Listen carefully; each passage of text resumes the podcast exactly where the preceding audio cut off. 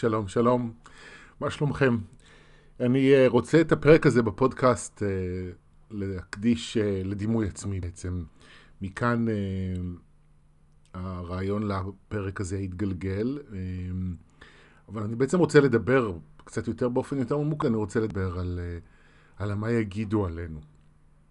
השאלה הזו שאנחנו מסתובבים איתה, שלא פעם משפיעה על ההחלטות שלנו, על התגובות שלנו, ואם היא לא משפיעה על ההחלטות או התגובות, אז היא פשוט משפיעה על האופן שבו אנחנו מתייחסים לעצמנו. אה, ומה אנחנו אומרים לעצמנו, ואיך אנחנו מרגישים עם, ה, עם עצמנו, עם כל מיני צדדים שנחשפו בניגוד ל, אמ, לרצון שלנו, בניגוד לניסיון שלנו לשלוט בעצמנו, ועד כשאנחנו קולטים את זה אנחנו מתביישים, או אה, מפחדים, או כועסים על עצמנו. אה, כשיש את ה... השאלה הזו, מה יגידו עלינו. אז על זה אני בעצם רוצה לדבר, ואנחנו, אני אתחיל, ואנחנו נראה לאן, אה, לאן המילים הולכות אה, לקחת את כולנו. המחשבה ונקודת, המחשבה ונקודת המוצא שלי לכל הנושא הזה, היא שמה שאני מפחד שיגידו עליי, אלה דברים שאני אומר על עצמי. כן, תן לזה רגע לשקוע. כל מה שאני מפחד שיגידו עליי, הם דברים שאני כבר אומר על עצמי. עכשיו, קחו את זה רגע ותפרקו את זה ותפרטו את זה. אה, מה אתם מפחדים שיגידו עליכם בעבודה? מה אתם מפחדים שיגידו עליכם במשפחה? מה אתם מפחדים שהבן או בת זוג שלכם יגידו עליכם, או הילדים, או ההורים כאמור? מה אתם מפחדים שחברים יגידו עליכם? שאנשים ש... שאתם לא מכירים, או שהם לא מכירים אתכם, יגידו עליכם. מה אתם מפחדים שיקרה? וזה לא משנה באיזו סיטואציה. בין אם אתם נגיד אה, רוצים להעלות איזה, לצלם את עצמכם בווידאו ו- ולהעלות סרטון ואתם משתתקים מפחד כי אתם מפחדים ממה יגידו, או אם אתם אה, בלימודים ואתם מפחדים אה, לשאול שאלות או להשתתף בדיונים כי אתם מפחדים ממה יגידו עליכם. זה לא משנה יש איזה שהן מיטות ש... אתם מסתירים שאתם מפחדים לספר, דברים שעברתם, דברים שאתם מרגישים, דברים, עובדות על מי אתם, שאתם מפחדים לספר כי מה יגידו עליכם. כמובן שהדוגמה המיידית שאני אתן היא מלהיות הומו, להסתיר את האמת הזו מתוך הפחד של מה יגידו עליי, שהוא היה בתקופות ההן אה, אפילו יותר אה, מרוכז או יותר קשה, זה לא היה יגידו עליי, זה כמו גם מה יעשו לי. כאילו, זה כבר היה אפילו ברמת ה... לא רק מילים, אלא פחד מעונש פיזי כזה או אחר. ממכות, אבל מנידוי, מ... שיזרקו אותי מהבית וכו' וכו'. שום דבר מזה גם לא קרה דרך אגב. אבל בכל תחום שתלכו, בכל היבט, כשתחקרו לעומק את מה שאתם מפחדים שיגידו עליכם, אתם תגלו בווריאציה כזו או אחרת, אתם רואים את זה כבר על עצמכם. וזה לא קל לזהות את זה, אני חייב לומר, אוקיי? אני, זה מאוד ברור אולי ופשוט, אבל זה לא קל ליישם את זה, כי צריך לעקוב אחרי המחשבות הקטנות שלנו, אה, שאנחנו לא תמיד יודעים לזהות אותן, וזה דורש תשומת לב, וזה דורש אה, מחויבות, להיות בתשומת לב לשיחה הפנימית שלי. לפעמים מה שיכול לעזור בשביל לעשות את זה, זה להיכנס לתוך מדיטציה ולבקש לפגוש את מה שאני אומר על עצמי. אם אני מפחד אה, ללבוש בגד ים וללכת לים, אז אני נכנס פנימה ושואל, אוקיי, מה אני מפחד שיגידו עליי? זה XYZ, אז אני נכנס למדיטציה ואני מבקש לפגוש את שחר שאומר את זה על עצמו. ודרך אחרת, דרך אגב, לעשות את זה, אנחנו מדברים רגע על טכניקות, זה לקחת אה, דף ועט, ובין תרגיל אינטואיטיבי, פשוט לכתוב אה, בתור כותרת כל מה שיש לי להגיד על, או מה אני אומר על עצמי בהקשר המסוים שעליו אני מתמקד, כמובן, מה אני אומר על עצמי, ואז לכתוב אינטואיטיבית את כל מה שעולה. אה, ממש הכל, הכל, הכל, להוציא הכל, הכל, הכל. אז זה, זה לא קל לעשות את זה, הטכניקות האלה יכולות לעזור, אבל זה לא, זה לא קל, זה דורש אה, גם תשומת לב וזה גם דורש כנות. אה, כי זה לא קל גם אה, רגשית לקלוט את זה פתאום, שוואלה, זה מה שאני אומר על עצמי, וזה מה שאני חושב על עצמי. אבל כשאני קולט את זה, זה חופש מאוד משמעותי, כי הפחד ממה יגידו עליי, הוא יכול להיות פחד מאוד משתק. וכשאני קולט שמה שאומרים עליי זה דברים שאני כבר אומר על עצמי, זאת התחלה של אה, שינוי. כי בעצמי אני יכול לטפל, אוקיי? אם לי יש ביקורת בתוכי, בביקורת הזאת אני יכול להתמודד. אני יכול לטפל בה. ואיך עושים את זה, זה כבר כל אחד עם הדרך שלו והכלים שלו, וזה רחב מדי בשביל שאני אתן כאן עצות אה, פרקטיות משמעותיות, אבל כל דבר שתחשבו עליו, אה, שאתם אה, פוגשים בתוך עצמכם, אתם יכולים, בין אם זה תהליך מורכב או תהליך יותר פשוט, אתם יכולים לעזור לעצמכם ולרפא את עצמכם. ומכאן החופש. עכשיו שוב, זה לא בהכרח תהליך קל ומהיר. אוקיי, זה ברגע שאני קולט שאני מפחד שיגידו עליי שאני לא נראה טוב, אז כשאני קולט שאני אומר את זה על עצמי, זה לא באותו, ייי, הכל נהיה יותר פשוט ואני מרגיש אחרת. לא. לפעמים אפילו זה, זה יכול להיות, כמו שאמרתי גם מקודם, קשה, כי פתאום אני קולט מה אני אומר על עצמי, ואני יכול פתאום לא רק לשמוע את המילים, אלא גם להרגיש אותן. וזה יכול להיות לא פשוט.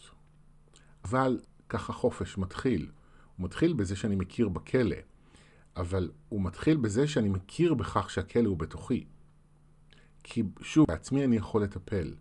ייקח יותר זמן, ייקח פחות זמן, אבל אני יכול לטפל בעצמי, אני יכול לעזור לעצמי. אבל אני לא יכול להתמודד עם העולם, אני לא יכול להשקיע אנרגיה בלשנות דעות של אנשים.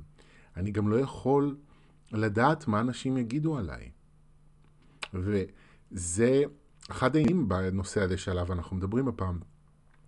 כאשר אני מתעסק עם הפחד ממה יגידו עליי, אני בעצם מאבד את הכוח שלי, כי אין לי מושג. זה גם קשור באנשים אחרים, שאני לא באמת יודע מה הם חושבים, וזה גם קשור בעתיד.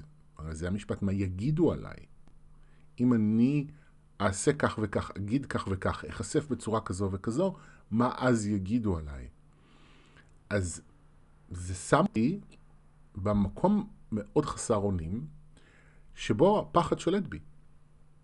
עכשיו, נכון שהפחד לא בא לרעתי, הוא בא בשביל להגיע עליי. אבל בפועל אני נתון לחלוטין לשליטתו, ואני מאבד לחלוטין את חופש הבחירה שלי. כשאני מתנהל מנקודת המוצא הזו, שמה יגידו עליי הוא שיקול, ובזה אני מתחשב.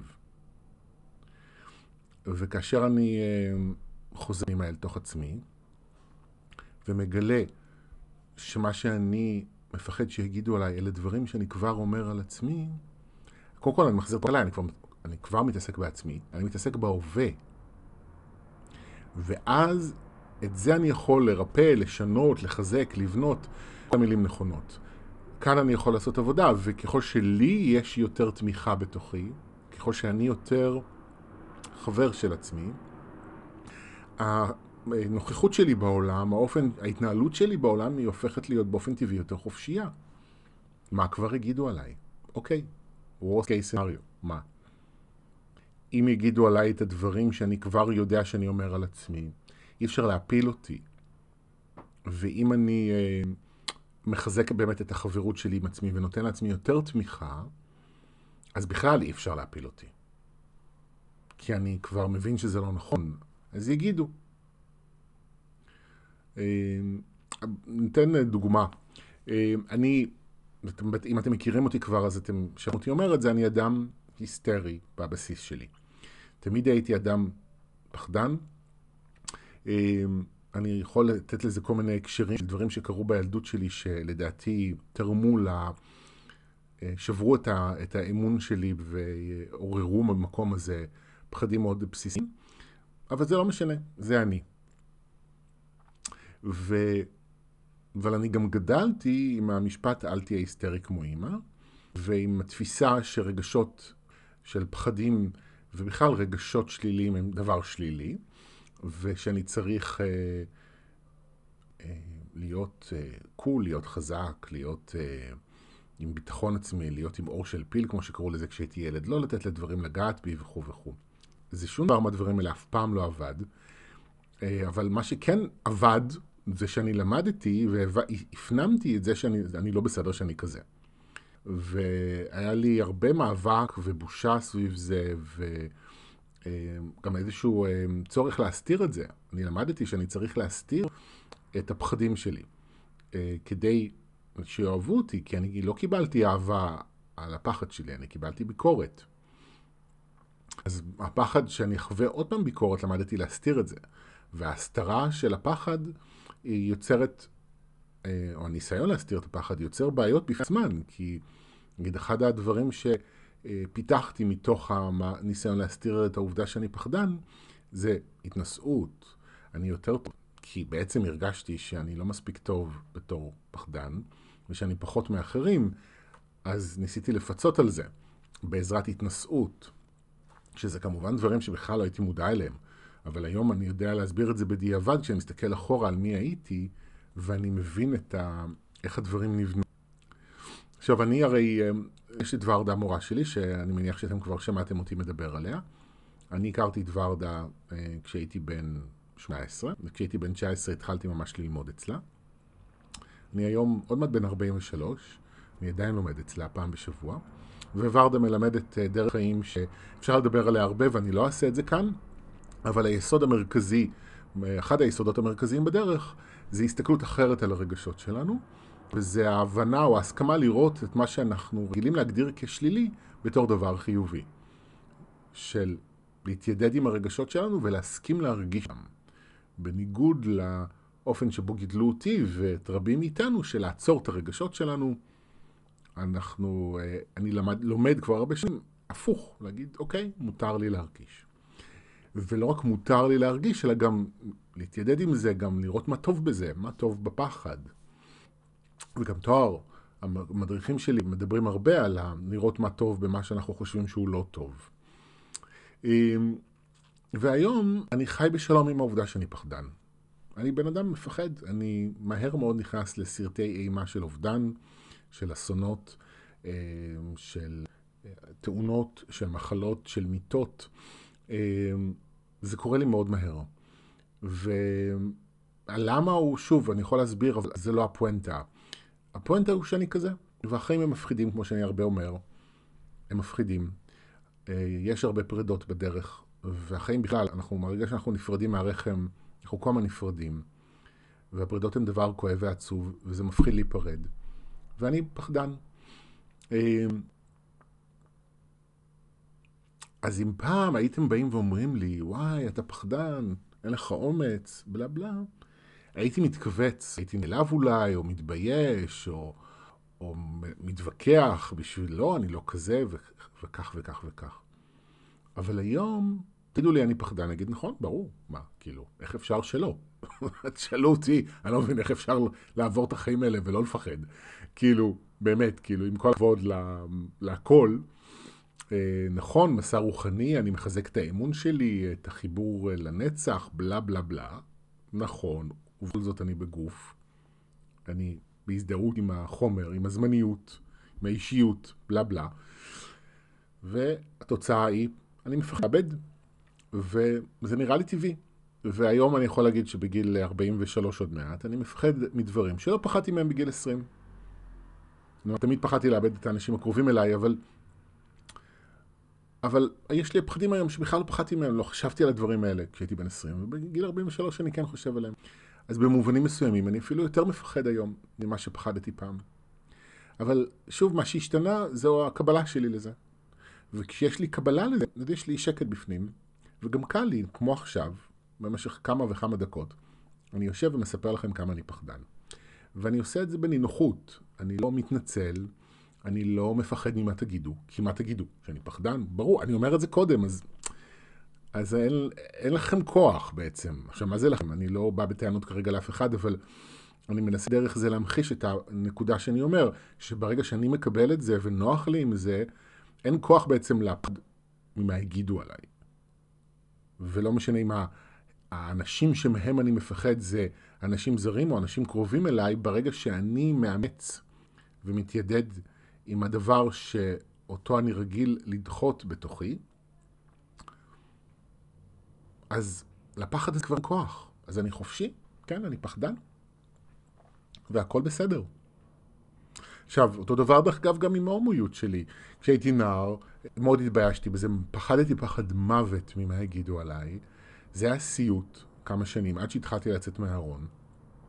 והיום, אני חושב שעם הפחד שלי יש לי יותר שלום מאשר עם המיניות שלי, זאת אומרת, ה... יש עדיין מקומות של פחד בתוכי שאני מרגיש סביב מה יגידו עליי אם ידעו שאני הומו, זה עדיין קיים, אבל גם בסך הכל הכללי, בטח ובטח בהשוואה ללפני 20-30 שנה, כש... כשעוד הייתי בארון, 25 שנה, ו... שאין לי בעיה לדבר על זה יחסית. אוקיי, כן, אני כזה, וגם אני מפחד. זאת אומרת, גם אני מפחד עדיין קצת ממה יגידו עליי, אז גם על זה כבר קל לי לדבר. זאת אומרת, אוקיי, זה חלק ממי שאני. ולפעמים אנשים מתלהבים מהכנות שלי וזה וזה וזה, אבל מה זה הכנות שלי? הכנות שלי נובעת מזה שיש בי פחות פחד ממה יגידו עליי. אז ככל שיש בי פחות פחד ממה יגידו, יותר קל לי לספר מי אני. אבל ככל שאני יותר מפחד ממה יגידו עליי, יש לי יותר העמדת פנים, או איזשהו הפרד ומשול. אני חושף רק צדדים מסוימים, ולא חושף את הצדדים שאני מפחד שיגידו עליי כל מיני דברים. עכשיו שוב, זה גם לא שחור לבן, כן? אני לא מספר הכל, גם אי אפשר לספר כל מה שעובר עליי. אפילו שהיה בן זוג שלי, לא, אני לא יכול לספר לו את כל מה שעובר עליי לאף אחד, כי אני עם עצמי ואף אחד לא חי איתי. אז אני לא יכול לספר הכל, אבל את הליבה של הדברים. אז אני רוצה רגע עכשיו לצאת מזה ולהדגיש משהו שאמרתי כבר, וזה את ה... שאולי הוא obvious, אבל אני רוצה להדגיש אותו, כי הוא עשוי להיות לא obvious עבור חלק מאיתנו, וזה שמה יגידו עליי, הרבה פעמים נובע ממה ששמעתי עליי. או מה ששמעתי סביבי. וסביבי יכול להיות הבית שאני גדלתי בו, גן ילדים, בית ספר, תנועת נוער, רדיו, טלוויזיה, אמ, בצבא, לא משנה. בכל מסגרת שהייתי בה, מקום שהייתי בו, דברים ששמעתי עליי או שמעתי מסביבי על החיים. אמ, אני זוכר את עצמי בגיל 13, כשהמיניות שלי התעוררה והמשיכה לבנים התעוררה, ואני. חושב שעוד לפני שהבנתי מה המשמעות של זה, אני כבר הרגשתי לא בסדר. שזה מטורף, כי ההשפעה של מה שמעתי על זה, שאני אפילו לא יודע להגיד לכם מה שמעתי. אני לא זוכר את עצמי גדל בבית שרואים הומואים בטלוויזיה אז יורדים עליהם, אני גם לא יודע אם ראו הומואים בטלוויזיה כשהייתי ילד. אמ, אין לי מושג מה שמעתי אולי כאן מגלגולים קודמים, אבל הפחד ממה יגידו עליי התעורר יחד איתי, עוד לפני שבכלל בשכל הבנתי. אה, אוקיי. אז כשאני מסתכל על בנים אומר שאני הומו. כמובן שברגע שהבנתי את ההגדרה של מי שאני, זה בכלל. אבל בעצם זה הגיוני, כי אני כן, אני, אני אומר לא שמעתי, אבל על מה אני מדבר? בוודאי, זה היה כינוי גנאי וקללה. סליחה. חי בסרט. סרט של אה, הכחשה. ברור ששמעתי. ברור. אז לא בבית שלי, כן, בבית שלי לא השתמשו בזה, אבל לילדים בבית ספר בוודאי ובוודאי, ובטח בעוד מקומות. אז בטח, אז היה לזה את המטען של מה יגידו עליי ומה אני שומע מסביבי, ו... וזה יושב בתוכנו. עכשיו, זה מחזיר אותי לנקודה שהיא מאוד משמעותית בתהליכי התפתחות שלנו, וזה העובדה שיש לנו דרכים בתוכנו. יש את הצורך להגשים את עצמי ויש את הצורך להיות שייך, ויש פער בין שני הצרכים הללו, יש, אה, לא פער, יש ניגוד בין שני הצרכים האלה.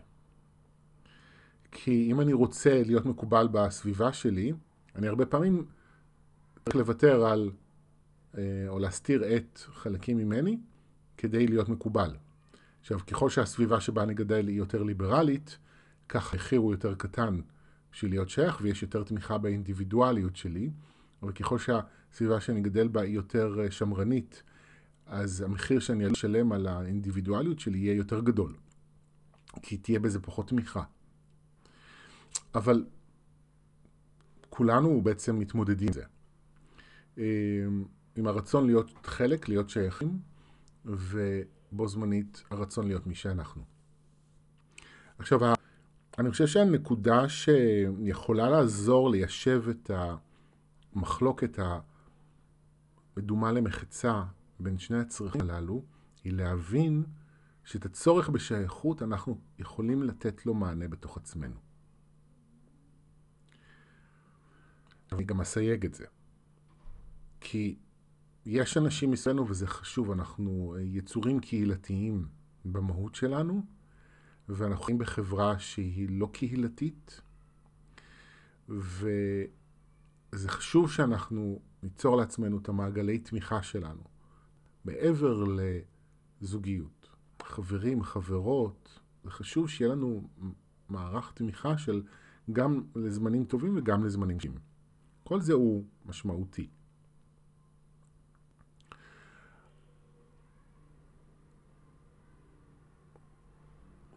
רגע, זה משמעותי, אבל הבסיס של השייכות, של ליצור שייכות, היא לחזור רגע אליי ולחזק את החברות שלי עם עצמי. כלומר, כשאני אה, נותן יותר אישור לעצמי להיות מי שאני, אני אתן מענה לצורך הזה. אולי הוא לא יהיה מענה מלא, כי אנחנו עדיין צריכים אנשים גם, אבל אני ממלא הרבה מהחוסר הזה, הרבה מהצורך הזה, אני נותן לו מענה בזה שאני מאשר את עצמי ותומך בעצמי ומקבל עצמי, כלומר, מרפא אה, ביקורת עצמית, שיפוט וכו' וכו'. אה, כי חלק מהחיפוש שלנו בחוץ אחרי אישור האנשים נובע מזה שאין לנו אישור בתוכנו. וככל שאני לא נותן לעצמי אישור, אני משאיר את עצמי מגדיל את החוסר שלי, ואז באופן אוטומטי אני פונה החוצה לחפש את האישור הזה בחוץ, ואז אני מגדיל, זה מגדיל את הפחד שלי ממה יגידו עליי. זה מין מעגל כזה, שהוא מעגל כשפים, שהדרך היחידה לשנות אותו היא זה שאני חוזר אה, להעמיק את התמיכה ואת החברות שלי עם עצמי. ואז חלק מהצורך מקבל מענה, יש לי יותר קבלה עצמית, ואני פחות צריך אנשים, אני גם פחות מפחד מה יגידו עליי, ואז גם יותר קל לי, וזה העניין הכי חשוב, למגנט אנשים שיש לי תמונה משותפת ויש לנו חיבור. כי במקום הזה שאני צריך שייכות ואני צריך אישור מאנשים, אנחנו הרבה פעמים רגילים להתאים את עצמנו לעולם מסביבנו. אנחנו גם ככה גדלנו, אנחנו נולדים, גדלים, לומדים להתאים את עצמנו לסביבה שלנו. אנחנו גם מורדים, אבל אנחנו גם מתאימים את עצמנו כדי להסתדר, כדי לשרוד, כדי לקבל אהבה וביטחון. אנחנו מביאים את ההתנהגות הזו למבוגרות שלנו. אנחנו רגילים להתאים את עצמנו למה קורה סביבנו ולאנשים סביבנו. עכשיו, לפעמים זה חשוב. זו לא תכונה שהיא בהכרח לא נכונה, אבל יש הרבה פעמים אנחנו יכולים לעצור ולהגיד, רגע, אוקיי, מה מתאים לי, מה נכון לי, ולהתאים את העולם אליי. עכשיו, אני לא יכול לשנות את המשפחה שלי. לא תמיד אני יכול לשנות את מקום העבודה או את שעובדים איתי, אבל אני כן יכול לבחור לי בן או בת זוג שמתאימים לי, אני יכול לבחור את החברים שלי, את האנשים שאיתם אני בקשר, אמ, וליצור לעצמי עולם שמתאים לי. וזה מאוד חשוב, וזה קורה ככל שאני יותר ויותר מעמיק בקבלה שלי את עצמי, אני יכול גם ליצור עולם שהוא מתאים לי, שיש בו את האנשים שמתאימים לי. ואני רוצה גם להגיד על זה עוד משהו, וזה שככל שאני גם יותר אה, מקבל את עצמי, אז גם עם האנשים שהם חלק הכרחי מהחיים שלי, שאני לא יכול לבחור אותם, הורים, ילדים, אחים, אחיות, אנשים שאני עובד איתם, שזה אנשים שאין לי בחירה אם, אם, הם יהיו מסביבי או לא. אבל ככל שלי יש יותר קבלה עם עצמי, אמ, אז גם יותר קל עם האנשים האלה. כי שוב, אני פחות עסוק במה יגידו עליי.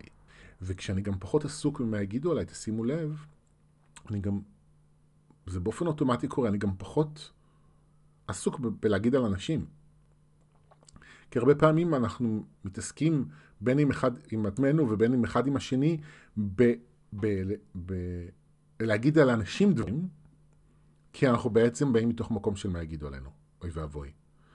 אז זה מין חוסר ביטחון שמזין שיח אה, שיש בו איזושהי ביקורתיות או התנשאות, וזה הכל כזה. וככל שאני יותר מקבל את עצמי, אז גם יותר קל לי עם אנשים, אני פחות, וואי, הם כאלה וכאלה. כן, הם כאלה והם כאלה, בני אדם הם כאלה וכאלה, וגם אני, כזה וכזה. והכל בסדר, ומותר לכולנו להיות. ואם מישהו מעניין אותי בהתנהגות שלו, אה, או, או אני נעלב ממנו, או לא משנה, קורה לי איזשהו משהו, אז אני חוזר ועושה עבודה, וזה כבר אולי אה, לפרק אחר בפודקאסט של, של השתקפויות, של אני עובד עם הצדדים שעולים בתוכי דרך המפגשים עם אנשים. ומה שאני מזהה באנשים, אני חוזר אליי.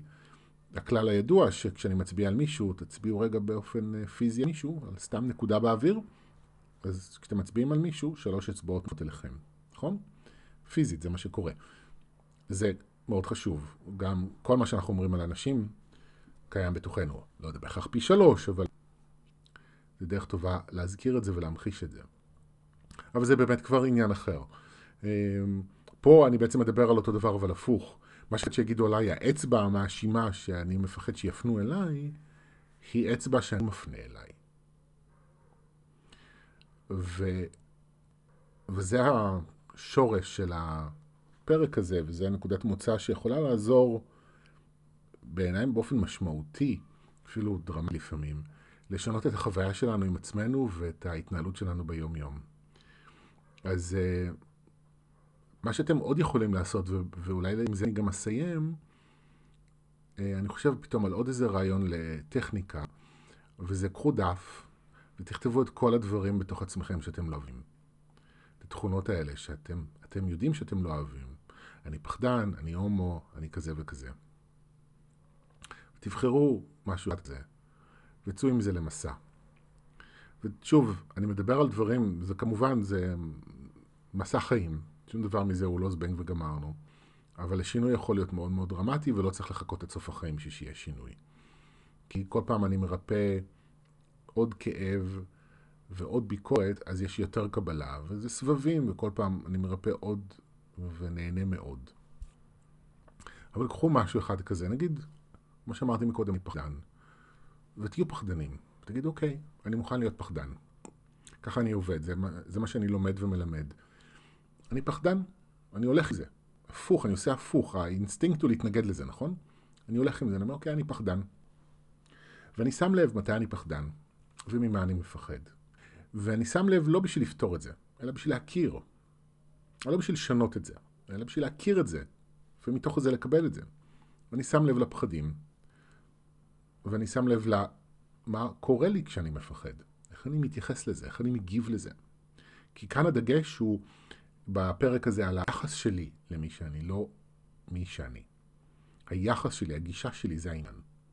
כי נכון, יש לפעמים, אם אני נורא נורא מפחד, כי חוויתי איזה טראומת אובדן מטורפת, וזה מגביר לי את רמת הפחד, זה חשוב מאוד שאני אטפל בטראומה הזו כדי לחזק ולבנות מחדש את האמון. זה חשוב מאוד. אה, לא רק לקבל את עצמי וזה מה שאני. זאת אומרת, יש, יש מה לרפא ומה לטפל ומה לשנות.